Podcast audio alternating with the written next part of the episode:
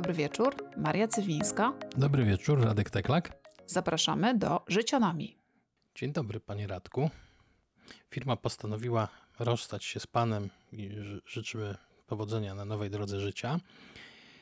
Zdarza się każdemu zwolnienie z pracy albo odejście z pracy i zaczyna się stres. I dzisiaj chcieliśmy porozmawiać o tym, jak sobie radzić z tym stresem na rozmowie, jak lawirować między podstępnymi pytaniami mm, rekruterów i jak sobie poradzić z tym całym ciężarem, który się nam zwala na plecy. Pogadamy z Marysią, która zna się na rzeczy. Dobry wieczór wszystkim. Tak, dzisiaj mamy taki pomysł, że mm, wykorzystamy trochę moje doświadczenie zawodowe jako menedżerki, która zrekrutowała wiele osób, a przeprowadziła jeszcze więcej rozmów i zobaczyła w życiu jeszcze więcej CV bo, bo to może być takie doświadczenie, które się przyda osobie, która właśnie się przygotowuje do rozmowy rekrutacyjnej, e, albo może jakiemuś szefowi, który taką rozmowę ma przeprowadzić. Jedno i drugie stresujące. I wykorzystamy też moje doświadczenie jako osoby, która bardzo często poszukiwała pracy, bo rekrutowałem raz. No I, i, rekrutacja kończyła się, skończyła się na pytaniu, czy wie pan, jak zbierać aronnie. I to był koniec rekrutacji, wszyscy wiedzieli. Więc porozmawiamy sobie dzisiaj tak, żeby było sympatyczniej, a nie jakoś mega turbonaukowo, rozprawimy się z paroma mitami tak naprawdę, które pokutują w świadomości.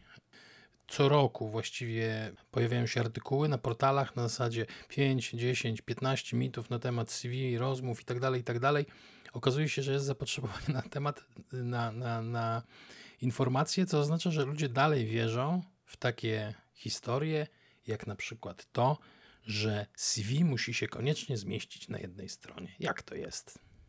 Mm, ja zasadniczo przeglądam wszystkie CV, które do mnie docierają. Rekrutacja, w której dostałam najwięcej ofert, to było chyba 170, więc wcale nie tak strasznie dużo. E, I Przejrzałam wszystkie. Oczywiście były takie, które od razu odrzuciłam ze względu na jakieś cechy, które sobie ustawiłam.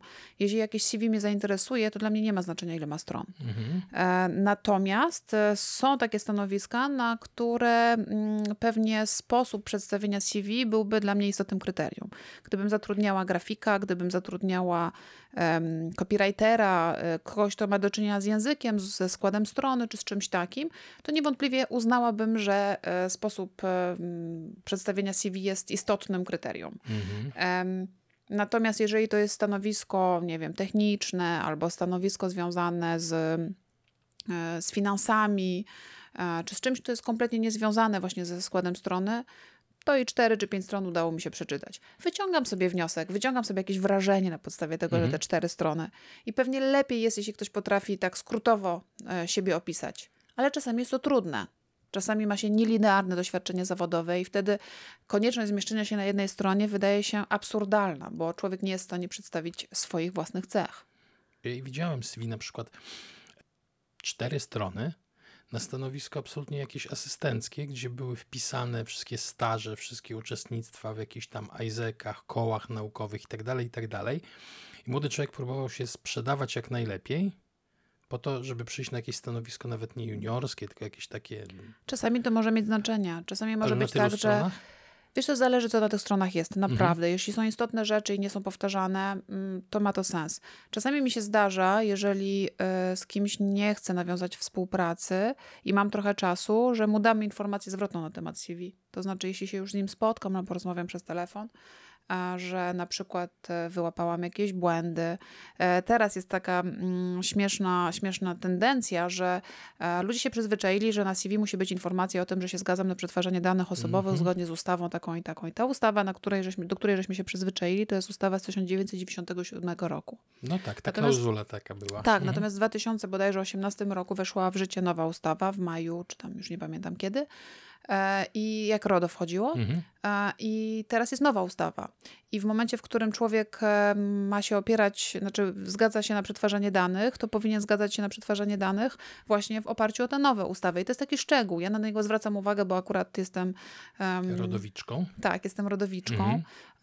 I, I to może być szczegół, który gdzieś w jakimś sytuacji może kogoś przekreślić, bo ktoś inny, nie wiem, będzie miał... Jest szczegularzem. Jest szczegularzem. Mhm I bardziej niż liczba stron mnie interesuje, czy są błędy językowe, czy są różne fonty zastosowane. Mhm.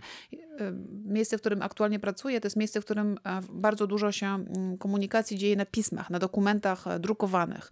E, jeżeli zatrudniam kogoś, kto będzie miał się tak komunikować, wolałabym, żeby potrafił odróżnić fonty od siebie i potrafił zachować na samą wielkość tego fontu, mhm. czy też potrafił wyjustować, bądź właśnie nie wyjustować tekstu. Czyli dobrze sformatować kwit, żeby on tak, się czytał. Mhm. Tak, i na takie rzeczy zwrócę uwagę. Wszystko Jasne. zależy od stanowiska, naprawdę. Druga sprawa. Tak sobie tu napisałem skrótowo. Y, jeden życiorys, jeden człowiek, jedno CV, wszystkie oferty pracy. Ludzie mają taką tendencję, że jak szukają pracy, to na każdą ofertę łup, łup, łup, to samo CV. Nie modyfikują. Jaki to ma sens i jakie szanse powodzenia są w takim postępowaniu? Tu również chyba nie ma zasady. To znaczy, są takie stanowiska, w którym zakładam, że jedno CV mm, będzie zawsze pasowało, albo jeżeli celujemy w bardzo konkretne stanowisko, jeżeli ktoś chce być po prostu, nie wiem, specjalistą do spraw analizy ryzyka kredytowego w banku, no to zakładam, że jedno CV będzie zawsze pasowało. Natomiast jeśli ktoś ma tak różnorodne CV, że w jednym przypadku startuje na jakiegoś menedżera, w innym przypadku na jakiegoś e, specjalistę i to jeszcze w różnych branżach, mhm. to wiadomo, że powinien podkreślać różne rzeczy. I znowu, jeżeli ktoś ma taki mm, rodzaj CV, który, który jest wysoko ceniony na rynku, jest załóżmy programistą w jakimś języku czy w jakimś środowisku i wiadomo, że i tak do niego zadzwonią. Właściwie on zazwyczaj nie wysyła CV, tylko do niego dzwonią, piszą na tych różnych portalach. Mm, to też myślę, że jego CV jest mniej istotne, bo on ma już swoje przewagi bitewne w swoich, e, w swoich kompetencjach. Mhm. Natomiast jak ktoś ma takie CV, które nie jest oczywiste, co on tam powinien robić, to lepiej się dostosować do, do, do ogłoszenia. Mhm. Do ogłoszenia. No, tak. To, co ja zazwyczaj robię, jeśli jak ja startuję, to ja staram się e, używać języka, które w ogłoszeniu znajduję. To znaczy, jeśli w ogłoszeniu jest napisana dana kompetencja, jest nazwana, załóżmy, umiejętność zarządzania e, ludźmi w sytuacjach kryzysowych, wymyślam, no to też w CV postaram się użyć dokładnie tych słów. Napisać, że um, mam doświadczenie, to znaczy mm, na danym stanowisku, zarządzanie kryzys, ludźmi w sytuacjach kryzysowych. I taki rekruter, o ile to będzie żywa osoba, bo pamiętajmy też, że część rekrutacji jest w tej chwili już wykonywana przez systemy automatyczne. Mhm. Taki rekruter, ale też ten system automatyczny wyłapie te słowa kluczowe. Czyli mm, jeżeli znależy mi na jakimś stanowisku, lepiej jest użyć języka używanego przez osobę, która dała ogłoszenie. Czyli trawestujemy, trawestujemy i trawestujemy. Nie, po prostu mówimy jego językiem. To jest tak jak z no. komunikacją międzyludzką. Ona się rozpoczyna wtedy, kiedy ktoś odkodował mój komunikat, czyli e, staram się tak zakodować swój komunikat, żeby ktoś go odkodował. No tak, no ale nie możemy przepisać całego y, ogłoszenia do swojego CV, stąd moja, moje hasło o trawestowanie. To raczej parafrazujemy niż trawestujemy. No to parafrazujemy. Tak, właśnie, mam cholerny problem z zapamiętaniem tych słów. Kolejny temat CV, to sobie oblecimy CV, potem będziemy już mówić o innych rzeczach, bardziej denerwujących. Y, właściwie dwa połączę. Po pierwsze, i to się spotkałem na żywo z taką opinią, że ojej, nie mam świadectwa pracy od tego pracodawcy, czy go wpisywać? A druga to było, kurde, CV z lukami w zatrudnieniu, strasznie źle wygląda. Ja nie wiem, czy wpisywać, że pracowałem tam półtora roku gdzieś tam na jakimś takim kiepskim stanowisku, czy to zostawić, czy coś tam ściemniać. Czyli czy luki w CV wynikające czy to z tego, że nie chcemy się przyznać do jakiejś pracy, czy to nam się wydaje, że nie będziemy w stanie jej udokumentować, to jest y, deal breaker i dyskwalifikacja, czy niekoniecznie? Kurczę, mam wrażenie, że za każdym razem muszę powiedzieć, to zależy. Wiem. I w ogóle chyba też jest tak, że ja nie chcę mm, wychodzić na takiego mm, eksperta, który wie wszystko. Ja mogę opowiedzieć, jak ja rekrutuję. E, w tej chwili pracuję w organizacji, która jest finansowana publicznie, więc na pewno rekrutacja jest, odbywa się inaczej niż w organizacji komercyjnej czy też w korporacji. E, ale no dobra, spróbuję. Zawsze zwracam uwagę na luki. To mhm. jest pierwsza rzecz, którą analizuję przed spotkaniem e, w CV, czy się mi się daty zgadzają. Jak mi się nie zgadzają, to zawsze o to podpytam. Jeżeli tych luk jest za dużo, to, e, to może wzbudzać jakąś tam nieufność. Więc jeżeli na przykład jest, byłabym kobietą, która przez 12 lat siedziała w domu i ciężko pracowała wychowując dzieci, to na pewno napisałabym to. Bo to jest praca, pamiętajmy o tym. Mm, na pewno bym o tym napisała, chociażby jednym zdaniem. To znaczy, Mhm. że nie wiem, urlop wychowawczy czy coś w tym rodzaju, bo to po prostu jest konkretna informacja na temat e, tej osoby. Mm, Jeżeli nie mam świadectwa pracy, to nie jest problem. E, W moim przypadku, znaczy w przypadku miejsca, gdzie pracuję, brak świadectwa pracy będzie miał wpływ na wysokość dodatku stażowego.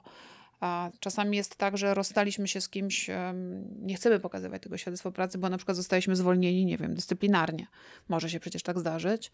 A takie rzeczy można wyjaśnić na późniejszym etapie. To, to w moje, z mojego punktu widzenia to nie jest najistotniejsza rzecz, kwestia świadectwa pracy. Kwestia luk jest dużo bardziej ważna. Okej, czyli luki mogą dyskwalifikować, nie muszą, ale CV mogą. ma się spinać. Mhm. To ma być jakaś logika, coś ma się tam dziać w tym CV. Jeżeli coś dzieje się nielogicznego, a bardzo często w naszych życiorysach się bywa, nie wiem, na dwa lata wyjadę ze swoim partnerem i przez te dwa lata za granicę i przez te dwa lata nic nie będę robić. Napiszmy o tym, Mhm. bo luki wzbudzają, mogą wzbudzić nieufność. Okej, a co z taką sytuacją dosyć drażliwą, że na przykład półtora roku się leczyłem? Co wtedy?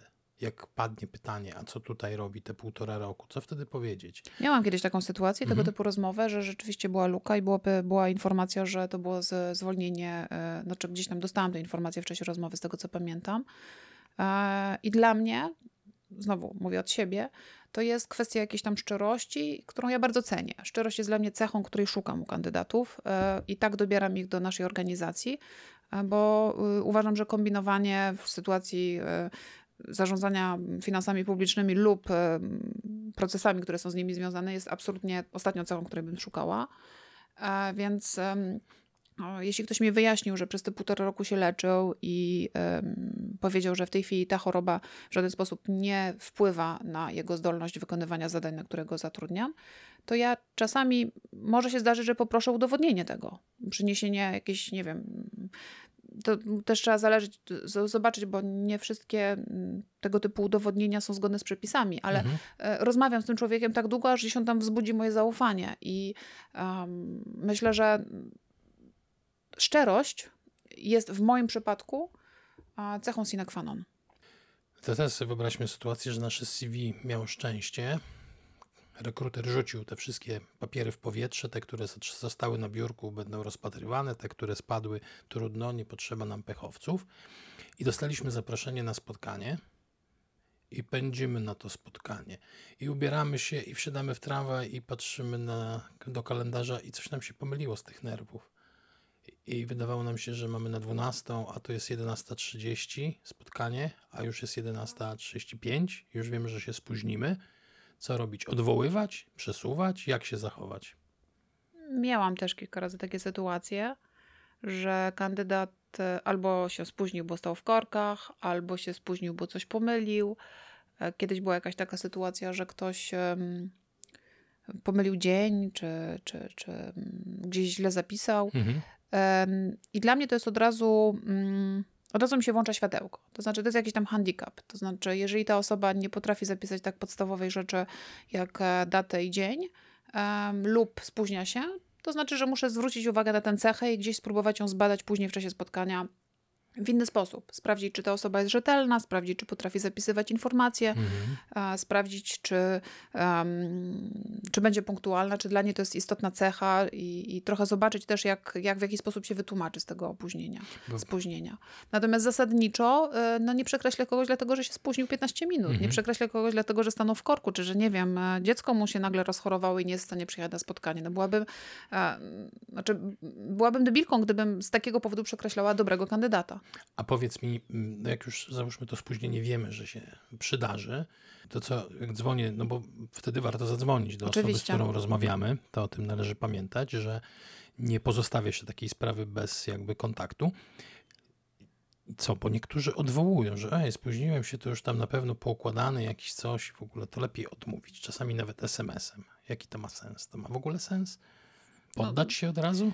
Wiesz co, ja tak sobie teraz pomyślałam. em, Spotkanie rekrutacyjne z punktu widzenia kandydata, który szczególnie stresuje się i któremu zależy, który być może jego konto już jest, ma coraz mniej oszczędności i naprawdę on powinien zacząć pracować, jest takim e, poczuciem, e, że to jest nierówna, e, niesymetryczna relacja.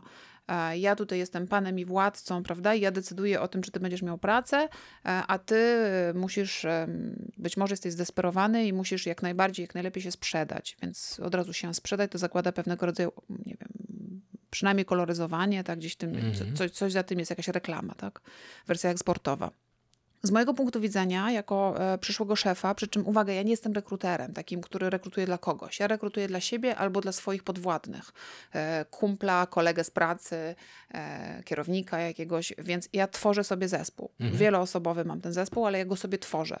I dla mnie to jest relacja długoterminowa, to jest jak randka. Więc ja nie traktuję tego jako relację nierówno i asymetryczną. Ja spotykam się z człowiekiem i ja chcę zobaczyć, czy ten człowiek pasuje do mojego zespołu i do zadań, które mam e, w tym momencie do uzupełnienia prawda, jego, jego jakimiś kompetencjami. I mm, ja wiem, że ta nierówność, ten stres y, u kandydata, on może tę y, relację, y, którą ja traktuję jako równą relację, to może zaburzać. Mhm. Natomiast jeżeli jesteś w stanie jako kandydat pomyśleć sobie, że idę na randkę, żeby zobaczyć, czy ta szefowa mi się podoba, to od razu ustawia inaczej tę relację. I w takiej sytuacji to, czy ty mm, odwołasz to spotkanie, czy nie, zależy od ciebie. Jeśli na randce byś odwołał, bo byś uznał, że to nie ma sensu, to znaczy, że ta praca nie była dla ciebie. Jeżeli ci zależy na tej pracy, na tej firmie, na tym zadaniu, na tej pensji, czy na czymkolwiek innym, no to kurczę, przemów się na inny termin. Było o spóźnieniu, a co z sytuacją, w której niektórzy czasami tak bardzo dmuchają na zimne, że na spotkanie przybywają z godzinnym wyprzedzeniem, żeby się nie spóźnić na pewno? Super, niech przebywają, ale szanse na to, że wejdą przed terminem w moim przypadku są niewielkie. Ja ustawiam mhm. te spotkania zazwyczaj jedno za drugim, dwa, trzy staram się mieć, żeby mieć jakieś tam porównanie i świeże, świeże oko. E, pamiętam, że kiedyś przy jednej rekrutacji to tak ze cztery dziennie było i to było już dużo. E, no bo znowu, mi zależy na pewnej relacji. Ja nie robię tych takich rekrutacji 15-minutowych, e, mm, bo też bardzo często rekrutuję e, osoby kluczowe mhm, dla mnie. No tak. Więc to są spotkania, które trwają godzinę, czasami godzinę 20 minut. No zależy. E, czasami pół godziny oczywiście też. W każdym razie y, przyjść godzinę wcześniej czy coś, spoko, poczeka sobie na korytarzu, będzie się tylko stresował. Z punktu widzenia mojej wiedzy psychologicznej to myślę, że to nie jest dobre rozwiązanie, dlatego że te ostatnie 50 minut przed spotkaniem to będzie takie nakręcanie się jak przed tak. egzaminem i ta adrenalina będzie szła i człowiek się spoci i e, będzie przekonany, że jest albo nie wiem, że jest nic nie wart, albo że nie potrafi tego przekazać. Ja bym raczej szuka, e, szukała możliwości bycia niedaleko tego miejsca, usiąść sobie spokojnie, nie na kawę, bo kawa nakręca, nakręca. tylko na coś spokojnego. Może z kimś znajomym, jeśli się bardzo stresujesz. E, I na pewno nie przychodziłabym wcześniej niż 10 minut przed, a nie później niż 2 minuty, 3 minuty przed. Mhm po to, żeby zdjąć, zdążyć zdjąć kurtkę, żeby tak. na pewno znaleźć się w dobrym miejscu, żeby porozmawiać z ewentualną sekretarką, żeby gdzieś e, trochę uspokoić ten swój taki czas e, przybycia. Dużo mówimy o stresie, o spokoju, e, o, o chillowaniu. W powszechnej opinii mam takie wrażenie, że rekruter czy osoba, z którą będziemy rozmawiać, to jest taki ktoś o stalowych nerwach, zimny chirurg, który mieli tych kandydatów, jak młyn żelazny. I to jest człowiek, który nie ma uczuć, który siada, cię taksuje wzrokiem prześwietlającym i kolejny, i kolejny, i kolejny. I tak bez wytchnienia i bez zmęczenia. No muszę zadać to pytanie, ile w tym jest prawdy? Ja myślę, że są takie osoby. Mm, kiedy musisz, nie wiem, wyrobić jakąś normę, bo pracujesz w firmie rekruterskiej i musisz spotkać się, nie wiem, z dziesięcioma osobami dziennie, albo masz ogromny projekt rekrutacyjny i musisz po prostu w szybkim czasie zrekrutować ileś osób, które się będą nadawały dla Twojego klienta, to myślę, że może się zdarzyć, może się włączyć pewnego rodzaju automatyzm. Ale ten automatyzm, on jest oparty na pewnych technikach rozpoznawania ludzi. Ty po prostu wiesz, czego szukasz. Mhm. Jak to znajdujesz, to spoko, jak nie znajdujesz, to, to od, razu, od, razu, od razu wiesz. Po pewnej liczbie rozmów rekrutacyjnych, ja też już wiem, które pytania działają, a które nie. To znaczy, które mi odpowiadają na jakieś pytania, a które nie. Ja mam swoje ulubione pytania, oczywiście rekrutacyjne, które są często bardzo dziwne e, i e, myślę, że jakiś automatyzm może się włączać, szczególnie jeżeli to stanowisko jest takie, powiedzmy, w miarę mm, niekluczowe, to znaczy w miarę powtarzalne, albo kiedy mam bardzo dużo kandydatów i wiem, że jeśli nie ten, to inny też się będzie nadawał. Natomiast e, powiem jakby o sobie to, że ja mm, rozmowy rekrutacyjne traktuję piekielnie poważnie i zawsze staram się poznać osobę, z którą się spotykam, po to, żeby czegoś się o niej dowiedzieć. Nie tylko o jej kompetencjach i o jej doświadczeniu zawodowym, ale też o jej sposobie funkcjonowania z ludźmi, o jej takich pewnych cechach osobowościowych, które być może się mm, ukażą jakoś w tej rozmowie, po to, żeby wiedzieć, e, z kim mam do czynienia. I mnie to też bardzo dużo kosztuje. E, staram się przygotować do każdej rozmowy, przeanalizować CV, zobaczyć właśnie ewentualnie te luki i to, co tam się dzieje. Staram się też e, zawsze przygotować mm, do każdej rekrutacji. Kiedy wiem, jakich cech szukam, to tworzę pod nie pytania. E, I te pytania są bardzo konkretnie e, skorelowane z jakąś cechą. A kiedy rekrutuję dla kogoś, w takim sensie, że to jest dla, na przykład sprawdzam kogoś, kto został już prerekrutowany przez jakiegoś przez, mm. mojego podwładnego, ja tylko potwierdzam, to zawsze pytam tę osobę, no dobra, na czym ci tak naprawdę zależy? Jakie chcesz mieć cechy tej osoby? I ja szukam tych cech w tej osobie. Zadaję takie pytania. Więc dla mnie, jako dla osoby obserwującej, czy też tak trochę świdrującej, każda rozmowa rekrutacyjna jest dodatkowo męcząca, bo ma włączone wszystkie swoje um, bodźce, znaczy staram się wszystkie swoje czujniki włączyć, to znaczy mhm. co czuję, co mi się wydaje i działam trochę na intuicji. Po tylu rozmowach, które już przeprowadziłam w życiu, to jest intuicyjna rzecz. Czuję się w miarę w tym bezpieczna, ale jednocześnie e, staram się e, tak zadawać pytania, żeby nie wyciągać za szybko wniosków. I właśnie z tym jest związane moje kolejna, kolejne pytanie, kolejny, nie wiem, czy mit, czy, czy przekonanie, że rekruter to jest taki super psycholog, super y, czytnik, y, super wykrywacz kłamstw, super, super wszystko, jak w otwartej księdze, że w ogóle nie masz dla niego tajemnic. Są tacy ludzie? Tak, na pewno są. Ale to nie wynika z tego, że rekruterzy są jakimiś czarodziejami, to wynika znowu z doświadczenia zawodowego. Mhm. Mianowicie mm, z mózgiem człowieka jest tak, że e, z przodu w korze przedczołowej, i tutaj ja nie jestem mózgologiem, ale postaram się powiedzieć jakoś tak skrótowo, że z przodu jest ta część bardziej analityczna, a z tyłu w muszczku jest ta część bardziej intuicyjna, bardziej atawistyczna jeżeli człowiek ma jakieś doświadczenie e, zawodowe, w którym no, rutyna pewne rzeczy już potrafi, to on korzysta właśnie z tej części bardziej atawistycznej, z tej intuicyjnej części. I on e, takiego człowieka, i to, to wykazała też, nie pamiętam teraz autorki, ale bardzo dobrą książkę czytałam o neurozarządzaniu. Pamiętasz, czy tam opowiadałam ci o niej? Sobie, tak, wielokrotnie ją cytowałaś, tak. nie przypomnę sobie. No w każdym razie ona mhm. mówiła o tym, że jak ktoś jest um, doświadczony na danym stanowisku, to należy mu e, kazać decyzję podejmować szybko, ponieważ on tę decyzję podejmuje w oparciu o intuicję i właśnie o tę bardziej atawistyczną część mózgu i wtedy to jest najlepsza decyzja. Natomiast jak mu damy za dużo czasu, to zacznie analizować i wtedy zazwyczaj podejmie gorszą decyzję. A z osobami, które nie mają doświadczenia jest na odwrót, czyli jeżeli mamy nowego pracownika, to lepiej mu nie pytać, no dobra, ale jak ci się wydaje, jaką byś decyzję podjął? No tak, tak intuicyjnie. Nie, on nie mhm. powinien wtedy w ogóle decyzji podejmować w oparciu o e, intuicję. Tylko jemu należy, tak, jemu mhm. należy dać czas na, na analizę. E, I wtedy ta decyzja będzie lepsza. No więc myślę, że taki rekruter, który widział w swoim życiu tysiące osób, to on ma, y, on ma jeszcze z tyłu głowy. On, on wie, on wie, czego szuka, on, on intuicyjnie może podejmować decyzje. I jeżeli słyszymy o osobie, która po trzech minutach wie tak czy nie, to znaczy, że ona widziała po prostu trzy tysiące, pięć tysięcy takich osób i ona już wie, czego już szuka. Wie, czego szuka. Czyli wystarczą mu trzy pierwsze słowa, cztery pierwsze gesty i jest jak Jarek Psikuta z bezes na końcu, wie wszystko o człowieku trochę też jak um, panna Marple w książkach mhm. Agaty Christie, która mówiła, że ludzie są do siebie podobni. Ona zawsze opowiadała coś o kimś, tłumacząc, dlaczego ktoś dlaczego zrobił coś innego. Coś. Mhm. A, I ja też tak uważam, że to nie jest szufladkowanie ludzi, to jest raczej szukanie pewnych podobieństw, pewnych mechanizmów, um, które ułatwiają nam postrzeganie rzeczywistości. To też warto jako potencjalny pracownik, warto siąść, przyjrzeć się i spróbować rozpoznać, ponieważ niektórzy, zauważyłem, mają tendencję do nie powiem kłamania, bo to grube słowo, do koloryzowania.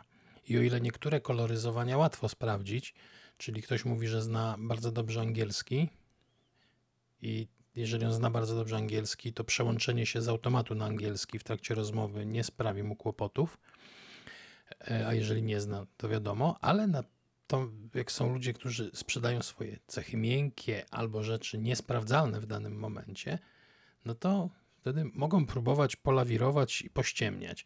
Czy w ogóle ma to sens? To się ma szansę utrzymać na dalszych etapach rekrutacji, czy potem już w pracy? Czy warto w ogóle koloryzować, nie kłamać, koloryzować, podbijać? Znowu powiem, to zależy. Mhm.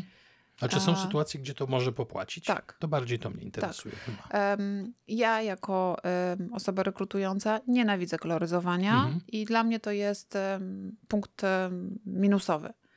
E, natomiast myślę sobie, że jeżeli bardzo by mi zależało na jakimś stanowisku i wiedziałabym, że jestem w stanie się czegoś nauczyć przez weekend, to mhm. być może podkoloryzowałabym, gdyby to była cecha niezbędna. Czyli na przykład, jeżeli dla danego stanowiska konieczna jest znajomość jakiegoś programu komputerowego, a ja wiem, że ja tego pro programu bezpośrednio nie znam, ale znam bardzo podobne programy albo znam siebie i wiem, jak szybko jestem w stanie się czegoś nauczyć, to myślę, że mm, powiedziałabym prawdopodobnie w CV, że potrafię. W czasie rozmowy prawdopodobnie powiedziałabym, że średnio potrafię, ale jestem w stanie się nauczyć.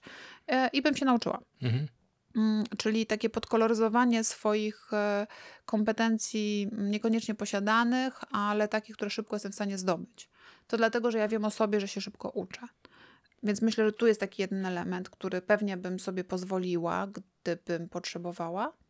Mm, natomiast co do zasady, odkrycie, że ktoś e, koloryzuje w jakiejś jednej sprawie, może być, może być takim predyktorem tego, że będzie koloryzował, kiedy już będzie moim pracownikiem. Czyli uruchomi lawinę takich wątpliwości. Tak. Czyli skoro tu ściemniłeś, to co tu, tu, tu i tu było. Tak, i skąd ja miałam, mhm. ja, ja, nie mam ochoty ciebie kontrolować jako pracownika, kiedy już będziemy e, ze sobą współpracować, w sensie ja chcę z tobą współpracować i znowu traktuję to jako randkę. Dla mnie facet, który koloryzuje swoje osiągnięcia i różne tam rzeczy, które zrobił w życiu, to jest coś, co przekreśla. Ale to jestem ja. Mhm. Może są inni pracodawcy, dla których to nie ma najmniejszego znaczenia. Byleby praca była zrobiona. Byle praca była zrobiona. Pytam też troszkę, bo mm, mam jedną, jedną anegdotę króciutką o sobie. Nie skłamałem do końca, podkoloryzowałem, na pytanie, bo jak się wpisuje zainteresowania, to jak wpisujesz zainteresowanie pod tytułem marketing, to niech to nie będzie tylko zainteresowanie książką marketing mm, pana Kotlera, i jak pada pytanie, a jakie czasopisma pan czyta związane z marketingiem, to, zna, to trzeba znać chociaż jedno, może dwa. Nie a nie znałeś? Nie znałem. To były czasy przedinternetowe, tylko tyle mam na swoje usprawiedliwienie i wtedy przewalałem mnóstwo rekrutacji, bo szukałem pilnie pracy i nie miałem czasu pojechać do Empiku. I, I się co się wydarzyło wtedy? Wydarzyło się, że atmosfera skisła w ciągu trzech sekund, bo no. prowadząca zobaczyła, że mieszam, że się gubię, że lawiruję i próbuję szyć z gówna i patyków, y, jaki może być tytuł czasopisma związanego z marketingiem. Marketing? No, próbowałem inteligentnie wybrnąć, ale trochę się nie udało. To znaczy, y, gdybym powiedział Media i Marketing Polska albo Press, które już chyba wtedy były na rynku, to bym wygrał, no ale musiałbym je znać. Mhm. Musiałbym wiedzieć, że są takie czasopisma, a ja wcześniej nie pracowałem w marketingu, więc nie wiedziałem. Ja w ogóle myślę, że w takich sytuacjach, jeśli nie znasz odpowiedzi na pytanie, to lepiej jest powiedzieć, nie znam odpowiedzi, ale wiem, gdzie mogę się je dowiedzieć. Wiem, jakie gdzie jest. szukać. Wiem, gdzie szukać. Albo to prawda, przyłapała mnie pani na tym, że wpisałem głupotę, to może ja wykreślę to słowo marketing i wpiszę coś innego. Mhm. Gdzieś potraktować to jako takie mm, e, starcie z, znaczy inteligentne wyjście z sytuacji, mhm. tak? Bo rzeczywiście zaczerwienienie się i spocenie się i e, E, skłamanie jest, e, no nie jest dobrym prognostykiem na współpracę, na fajną współpracę. Miałem przejść do tego pytania wcześniej, ale pojawiły nam się kolejne wątki, ale teraz możemy wrócić, bo ty mówiłeś, że masz jakieś pytania, które sprawdzają rzeczy, które chcesz wiedzieć. Więc przejdźmy do sekcji tak zwanych pytań z dupy. Ja kiedyś usłyszałem na spotkaniu, na rozmowie kwalifikacyjnej do DEU Polska pytanie, ile jest w Polsce stacji benzynowych? Nie miałem bladego pojęcia, ile jest w Polsce stacji benzynowych, więc Spojrzałem w prawy górny róg, zacząłem sobie coś tam kminić i palnąłem cyfrę. I zostałem poproszony o wyjaśnienie, jakim cudem doszedłem do takiego wyniku. Więc przeprowadziłem proces logiczny, to znaczy wytłumaczyłem, że mamy tyle województw, i zakładam, że skoro na tyle mm, Mhm, i kilometrów tak dalej, trasy tak? i tak dalej, i Mhm. tak dalej. Więc przeprowadziłem jakiś proces. Tej Mhm. pracy nie dostałem, ale proces się spodobał. Natomiast padają też pytania, dlaczego pokrywy, to jest chyba słynne pytanie, dlaczego pokrywy studzienek kanalizacyjnych są okrągłe, y, ile piłeczek golfowych wejdzie do autobusu, jakim zwierzęciem chcesz być, czy te pytania takie z naszego punktu widzenia, czyli osoby, y, która przychodzi na rozmowę, to wszystkie mają jakiś sens, czy niektóre są, jak to jest, one są obliczone na wyprowadzenie z równowagi, na wybicie z rutyny, z rytmu. Jaki jest sens takich pytań? Czy one sprawdzają wiedzę, czy co one robią tak naprawdę? Bo ja nie wiem. To jest bardzo, bardzo różne. Mhm. E, Część z tych takich pytań e, projekcyjnych, czy jakim zwierzęciem chciałbyś być, No to, to mi- są, to mogą być takie e, zadania właśnie projekcyjne. Ktoś chce się pobawić w domorosłego psychologa albo psychologiem jest i na tej podstawie będzie wyciągał jakieś wnioski na temat twojej osobowości. To jest bardzo, bardzo kruche. To znaczy, ja bym nie wyciągała takich wniosków, ponieważ taka projekcja naprawdę zależy mm, od bardzo wielu rzeczy, a poziom stresu, jaki w danym momencie masz, na pewno nie pomaga w kreatywnej i sensownej projekcji. Mhm. Część pytań może rzeczywiście sprawdzać Twoją umiejętność kombinowania i myślę, że ta, to, że wyjaśniłeś, w jaki sposób doszedłeś do liczby tych stacji benzynowych, było dokładnie tym. Mhm. Część pytań może być em, sprawdzaniem, jak reagujesz na stres. E, Są takie stanowiska, gdzie mm, stres jest bardzo istotnym elementem, taki stres e, chwilowy i czasowy. Nie stres ciągły z powodu mobbingu, czy też stres Mhm. ciągły z powodu odpowiedzialności, ale właśnie takie, że są takie sytuacje, które ciebie Takie zaskoczą, strzały, takie tak. strzały. Mhm. I na to nie ma dobrego pytania, więc lepiej jest rzeczywiście taką osobę na chwileczkę wprowadzić w jakiś taki chaos, w jakieś takie niezrozumienie i zobaczyć, jak ona reaguje, czy reaguje w sposób e, na przykład podobny do tego, co jest przewidziane w kulturze organizacyjnej tej, znaczy co, się dzieje w kulturze organiza- tej organizacji, czy też podobne do zespołu, do którego ma trafić. Część z pytań jest e, dlatego zadawanych, że rekruter się nie zna i po prostu jemu się wydaje, że takie pytanie będzie cool. fajne, jest Mhm. cool. Em, Czasami jest tak, że ja zadaję jakieś pytania, znaczy ja takich totalnie z dupy staram się nie zadawać, ale rzeczywiście często się zdarza tak, że jestem tym drugim etapem rekrutującym, więc na poziomie merytorycznym dana osoba już została sprawdzona i ja na przykład nie będę sprawdzać, co ona wie na temat odliczania VAT-u Mhm. e, w jakichś konkretnych sytuacjach finansów publicznych, ale mogę zapytać e, o to, jaki jest największy sukces życiowy w znaczeniu e, takim e, zawodowym. E, I sprawdzić, co ta osoba opowie, i dla mnie to jest informacja o tym, co dla niej jest ważne w życiu, jakimi wartościami ona się kieruje. Lepiej wolę zadać takie pytanie, niż zadać pytanie właśnie o wartości, bo te wartości to one będą czysto deklaratywne. A taki sukces, który, pytanie, które trochę zaskoczy tę osobę, ona będzie musiała coś powiedzieć, jest większe prawdopodobieństwo, że na to pytanie się nie przygotowała, więc być może powie coś takiego bardziej e, spontanicznego, więc więcej się dowiem o tej osobie. Trzeba też pamiętać, że tak jak właśnie powiedziałam, to jest często taka e, reklama, taka wersja eksportowa. Człowiek na tyle, na ile się jest w stanie przygotować, Mhm. to przygotuje się, więc na pytanie, jakie są twoje trzy e, e, wady, e, to większość osób ma przygotowane wersje. Jestem niezwykle precyzyjną osobą na przykład Tak. i to jest albo em, totalnie punktualną i, i zawsze przychodzę na czas, to wkurza moich znajomych. Przekuwanie Em, wad, zalety. Nie, no tak, coś takiego, albo raczej Tak. zalety w wady w tym przypadku. I to, to niewiele Mhm. nam powie o drugiej osobie, ewentualnie o jej kreatywności, umiejętności formułowania myśli. Em, więc staram się stworzyć takie pytania, które mm, na tyle zaskoczą tę osobę, że powie mi prawdę. Bo ja szukam prawdy. Ja, nie, ja Mhm. szukam osoby, ja szukam pewnego zestawu cech, albo chcę wykluczyć zestaw innych cech. Jasne. A powiedz mi, bo to jest chyba y, poza pytaniem o zwierzęta, chyba najbardziej irytującym, a moim zdaniem niesłusznie, pytaniem y, na, na interview jest, dlaczego chce pan pracować u nas? I ludzie, którzy są, którym zadawane jest takie pytanie, myślą sobie, no przecież wiadomo, potrzebuje pieniędzy, żeby przeżyć. A w tym pytaniu nie o to chodzi przecież. To nie jest pytanie zadawane przez złośliwość. Dlaczego chcesz pracować, bo bez pracy nie ma kołaczy. A dlaczego myślisz, że to pytanie jest zadawane? Moim zdaniem, No. no. żeby sprytnie wytłumaczyć, dlaczego akurat ta firma. Tak, znaczy to pytanie ja je zadaję, czasami je zadaję. Dlaczego akurat Uniwersytet Warszawski, albo skąd pan się dowiedział o naszym ogłoszeniu, bo to wcale nie jest oczywiste się o nim dowiedzieć. Mhm. Em, więc tak, to jest sprawdzenie, dlaczego nasza firma, co myśli o naszej firmie, czy w ogóle wie, gdzie przyszedł. E, To też, e, żeby sprawdzić, czy pamięta, jakie to jest ogłoszenie, e, na jakie stanowisko, a, a trochę też, żeby zobaczyć, co go motywuje. Mm, Bo mm, często ludzie tutaj mówią na przykład, że oni oczekują, nie wiem, szukają stabilności, stabilnego zatrudnienia, co jest typowe w organizacji e, finansowanej Mhm. publicznie i dla mnie to już nie jest cecha negatywna. E, Bo Natomiast to przychodzi jakby z dobrodziejstwem inwentarza. nie? tak, tak. Mhm. Natomiast jeżeli, jeżeli by ta osoba powiedziała, właśnie nie wiem, dlatego że mm, chciałbym e, rozwijać Dopracować. się, mieć jakąś, nie wiem, bardzo bogatą karierę i, i liczę na nią, taką też e, zaplanowaną plan kariery i rozwoju zawodowego, to ja też być może wiem, że ja nie jestem w stanie spełnić jego oczekiwań. I to jest ten moment, w którym ja mogę to od razu skonfrontować, bo mm, uważam, znowu, że to jest partnerskie spotkanie. To znaczy, ja oczekuję e, pewnych rzeczy od tego kandydata, ale zakładam, że on również ma jakieś oczekiwania w stosunku do mnie i jeżeli ja tych oczekiwań nie spełnię, to on na trzy miesiące sobie pójdzie.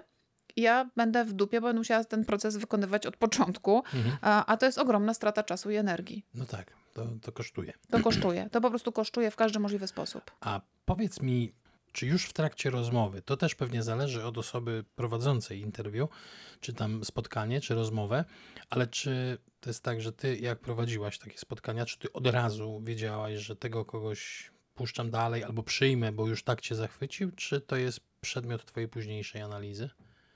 Mm, To zależy Mhm. znowu. No niestety. nie, no wiadomo, że nie ma jednego jakby czasami jest- wzorca. Najczęściej jest tak, że nie spotykam się sama, Mhm. i chcę to przedyskutować z osobą, z którą się spotykam. E, Czasami jest to bezpośredni kierownik tej, tego kandydata, przyszłego kandydata czy przyszłego pracownika. Czasami jest to jakaś tam komisja kilkuosobowa, którą chcemy sobie przegadać, co, co o danej osobie myślimy, czy, czy ona się nada na to stanowisko. Natomiast y, ja ufam swojej intuicji. Już wielokrotnie mi wyszło, że mm, No, że jesteś czarownicą, to wiemy. No trochę, że jestem czarownicą, ale też trochę, że gdzieś czuję coś podskórnie. Bardzo często też proszę swoich kierowników, kiedy właśnie przyprowadzają mi takich kandydatów, żeby mi powiedzieli, słuchaj, o, o co byś chciał, żebym ja dopytała, bo zazwyczaj wtedy jest tak, że ja prowadzę rozmowę, a ten kierownik Mhm. może obserwować i on wtedy widzi dużo więcej, bo on nie prowadzi tej No rozmowy. tak, tak. I mm, dopytuję zawsze, słuchaj, a o co na przykład chciałbyś, żebym dopytała? Albo może co ci się wydawało dziwne? Albo w czym nie jesteś pewna? Jaką miałaś mm, myśl po tamtej rozmowie i chciałbyś, żebym ja tutaj coś sprawdziła? Jaką cechę? Czy, czy, czy jesteś przekonany właśnie, że jest taka, czy śmaka, czy owaka ta kandydatka? Więc to zawsze jest pewnego rodzaju analiza tego, co się wcześniej wydarzyło. Raz czy drugi zdarzyło mi się, że już w trakcie rozmowy wiedziałam, że to jest ta osoba, że w ogóle nie mam żadnych wątpliwości. O, proszę.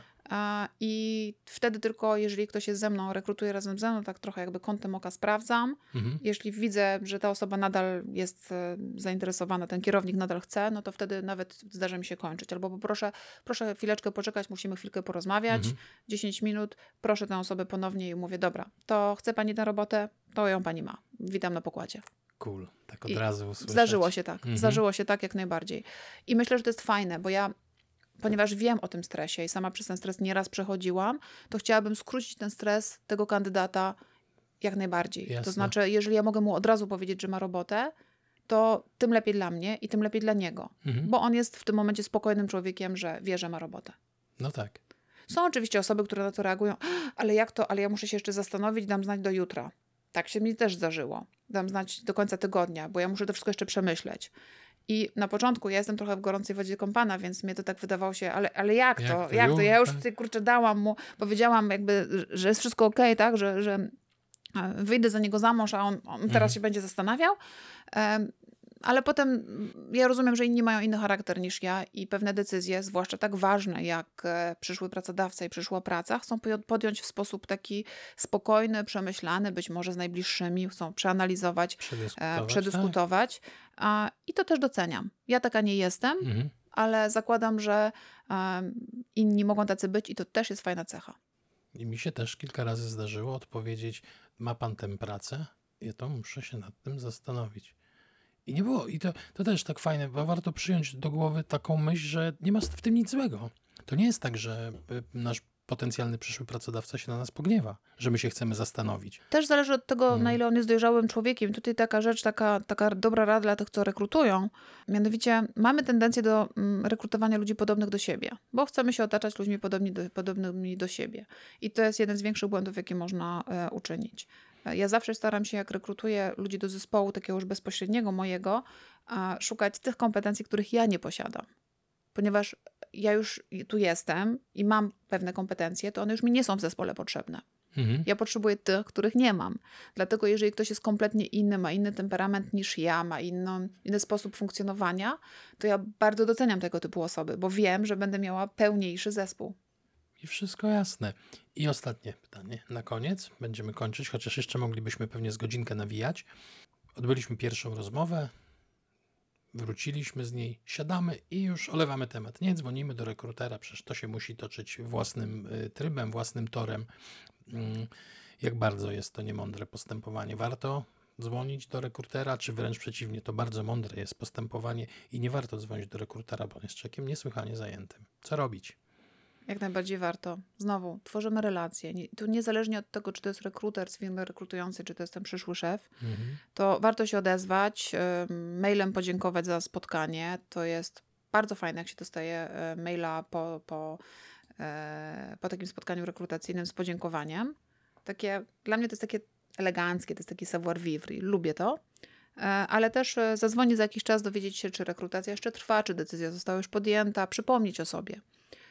Przyznam, że e, wydawało mi się, że to jest takie nadmierne, że to jest taki rodzaj trochę gierki, która być może jest e, taką.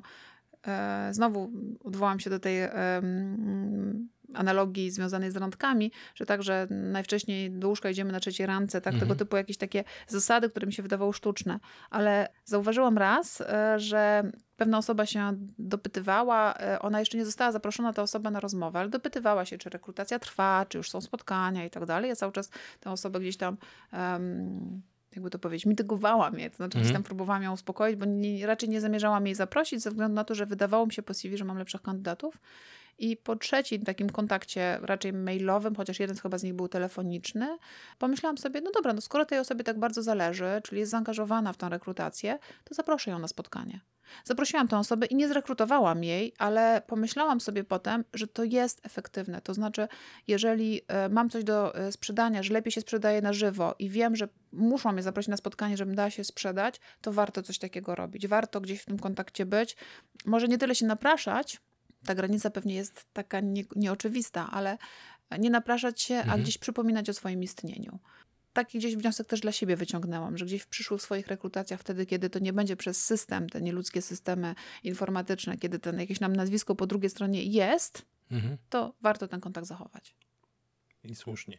I po zakończonej rekrutacji, nawet jak polegniemy, to warto zrobić to, co ja kilka razy zrobiłem.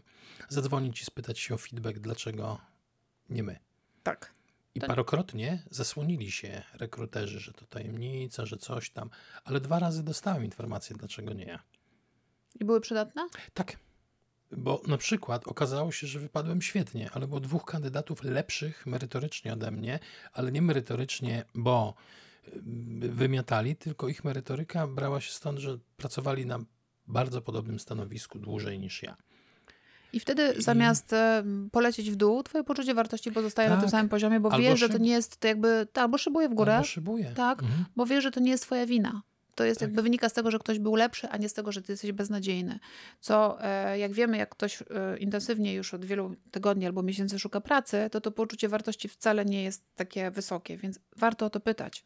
Chociaż znowu taka rozmowa jest stresująca. I a propos właśnie e, stresów, szukania pracy, dzisiaj Odbyliśmy poważną rozmowę kwalifikacyjną z Sergiejem, żeby nam sprzedał parę ciekawych cyfr.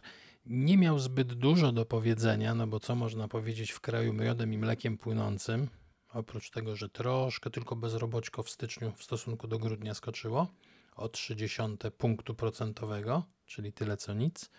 I mówimy tu o zarejestrowanych osobach w urzędzie pracy. Więc tak naprawdę to takie papierowe bezrobocie notujemy. Natomiast lepsze, lepsze cyferki Siergi podał.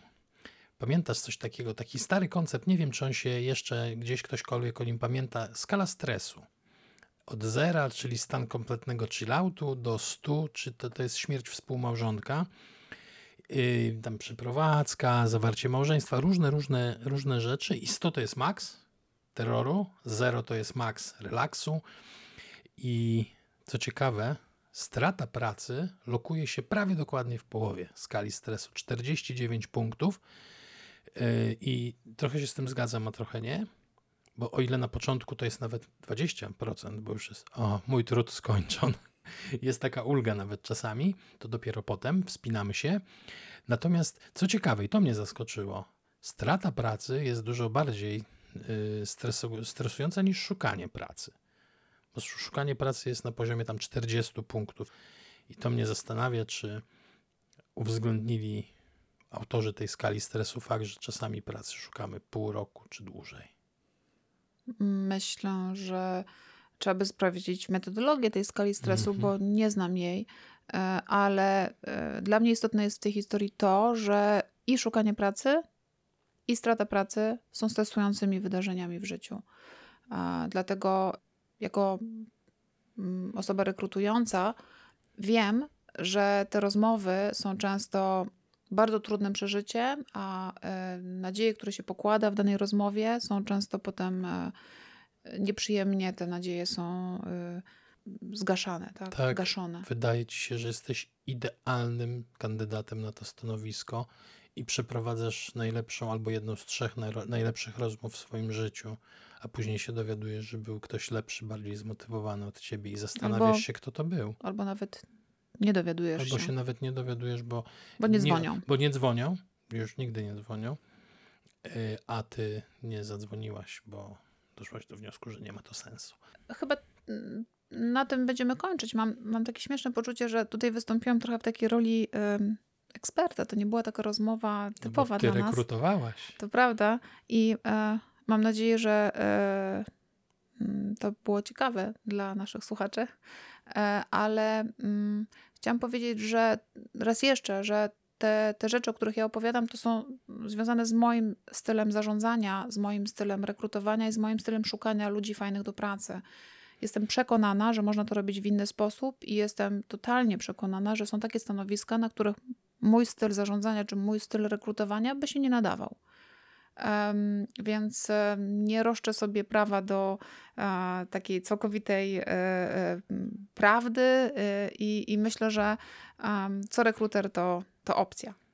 Ale i tak lepiej się dowiedzieć czegoś od kogoś, kto kuma, a nie od kogoś, komu się wydaje. Kum kum. No właśnie.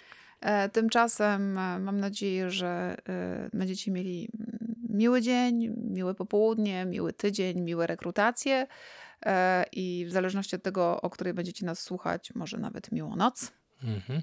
A my, jak wrócimy z rozmów kwalifikacyjnych swoich, to oczywiście będziemy Was nawiedzać.